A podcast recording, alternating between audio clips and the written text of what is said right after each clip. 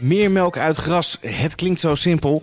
Dus mede namens Jara bespreek ik, Ruben Leijzega, de belangrijkste aspecten van graslandbemesting. De zon schijnt, de temperaturen zijn hoog voor de tijd van het jaar. En wat hebben we nodig voor een gezonde grasgroei naast natuurlijk zon en hoge temperaturen?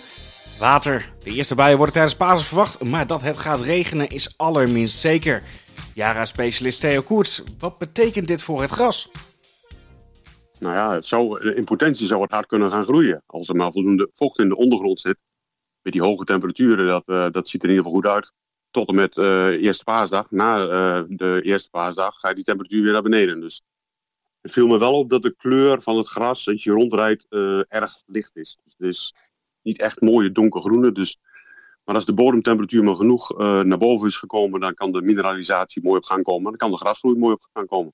Ja, is dat het teken dat de mineralisatie niet goed op gang komt? De kleur van het gras? Nou ja, dan wordt er in ieder geval niet veel opgenomen. Dus dan zie je nog niet echt aan de kleur dat er veel opgenomen is. Uh, mineralisatie is gewoon wat er in de bodem zit en wat er in de, in de meststoffen zit, die omgezet worden tot beschikbaarheid voor het gras. En daar ben je hogere temperaturen voor nodig. Dus bij hogere temperaturen gaat het beter. Wat zeggen de genomen monsters die jullie inmiddels uh, afgenomen hebben? Nou, de monsters die, de versmonsters, grasmonsters die momenteel genomen zijn, geven aan dat het droogstofgehalte in het gras erg hoog is. Dus als de koeien buiten lopen, hebben ze per hap gras die ze doen heel veel droge stof krijgen ze binnen. Dus dat is wel op zich hartstikke mooi. De voederwaarde is goed. De FEM's zijn goed. de hoeveelheid droge stof die bijgroeit per dag is nog niet erg hoog. Maar ja, dat hebben we net al over gehad. Daar zijn we dus warmte en water bij nodig. En dat, hopelijk komt er een beetje regen in met paas. Het valt me wel op, ik zie weinig, weinig koeien buiten.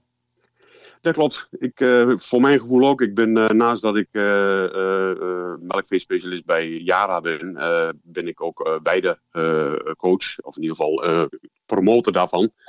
En daar heb ik de nodige tijd in gestoken. En dan kijk je altijd met een iets andere ogen over het veld. En het viel me echt op dat daar toch nog niet zo heel veel koeien buiten zijn. en het is natuurlijk wel zo, en dat is wel het advies zeker op dit moment, wacht niet te lang met die koeien naar buiten toe. Uh, als je wilt gaan weiden, uh, zometeen als er een grasexplosie komt, ja, dan gaat het ook in één keer veel te hard. En dan uh, groeien de koeien uit het gras, laat maar zeggen. Dan gaat het gras harder groeien dan de koeien een beetje bij kunnen houden. Dus op tijd beginnen is een, is een goed advies. We hebben eerder in de podcast aangehaald dat gras uh, dus onder andere warmte en water nodig hebben. Daar gaan we wel volledig voorbij aan de meststoffen, bijvoorbeeld zwavel. Nou hoor ik in de wandelgangen dat het gras uh, ja, smakelijk wordt, uh, of smakelijker wordt eigenlijk, door gebruik van ureumeststoffen. En dat zou dan komen door een hoger suikergehalte. Is dat waar? Nou ja, dat is iets wat ik uh, zeker in reactie op alle, alle uh, uh, zaken die wij momenteel op social media doen, krijg ik nog wat vragen links en rechts en ook opmerkingen dat er bepaalde mensen zijn die zeggen: ja, als je met ureameststoffen bemest, krijg je duidelijk smakelijke gras met een hoger suikergehalte en dat die koeien het beter vreten. Nou, daar ben ik dus eens wat ingedoken. er is nergens ook maar één proef gedaan, of in ieder geval bewijzen uh, dat dat zo zou zijn. Dus waarschijnlijk heeft het te maken met de omzetting in het gras. Uh, urea moet nog een keer extra omgezet worden. ons advies is in ieder geval niet om met urea-meststoffen in grasland aan de slag te gaan. Op andere plaatsen helemaal geen probleem. Alleen de kans met urea is dat je nogal wat extra verlies hebt. Dus dat is ja, in ieder geval het advies wat wij geven. We hebben dus nog niets gevonden over die smakelijkheid. Nee, nee, jullie advies uh, blijft dus uh, gebruik vooral uh, nitraat-ammoniummeststoffen. Wat zijn daar de grote voordelen van? Voordelen zijn van nitraat-ammonium is dat nitraat heel snel opgenomen wordt. Nou, je wilt nu graag hebben dat als je je kunstmest gooit, dat, dat het snel opgenomen wordt. Ammonium blijft iets rustiger in de grond, dus dat werkt nog een beetje na. Maar je wilt gewoon nu een snelle werking hebben. Heb je nu langzaam werkende meststoffen, ja, dan kom je veel te dicht richting de oogst. We gaan er toch vanuit dat we de laatste week april, eerste week mei de eerste uh, gras kunnen maaien, de maïsneders. De koeien die kunnen nu natuurlijk al naar buiten, maar voor de maïsneders. En daar moet je dan niet van die langzaam werkende meststoffen meer hebben. Dus dat is uh, dan daarom niet meststof. Ja, ja, nou als het goed is zitten mestingen van nu dus uh, ja, even op. Waar moet ik nu op letten in het grasland? Waar je nu op moet letten, dat is vooral ben je aan het bewijden, ga je bewijden. Kijk naar je percelen, schaar op tijd in, wacht niet te lang zet je schema goed op, dat je, hoe je ermee omgaat.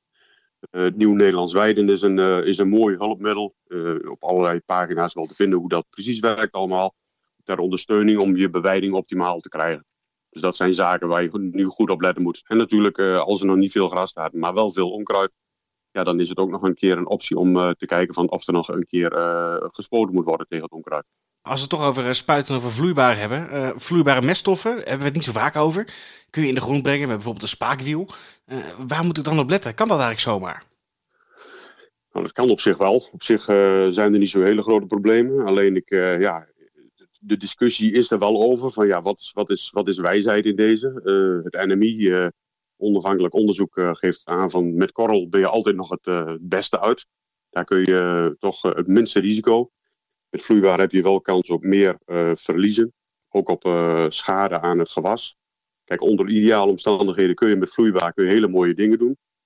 Spaakwiel, ja, de laatste keer kreeg ik iemand, sprak ik en die zei van, ja, spaakwiel. Ik ga die meststoffen in de grond brengen. Ik moet alles in RVS uitvoeren, want mijn verf lost op.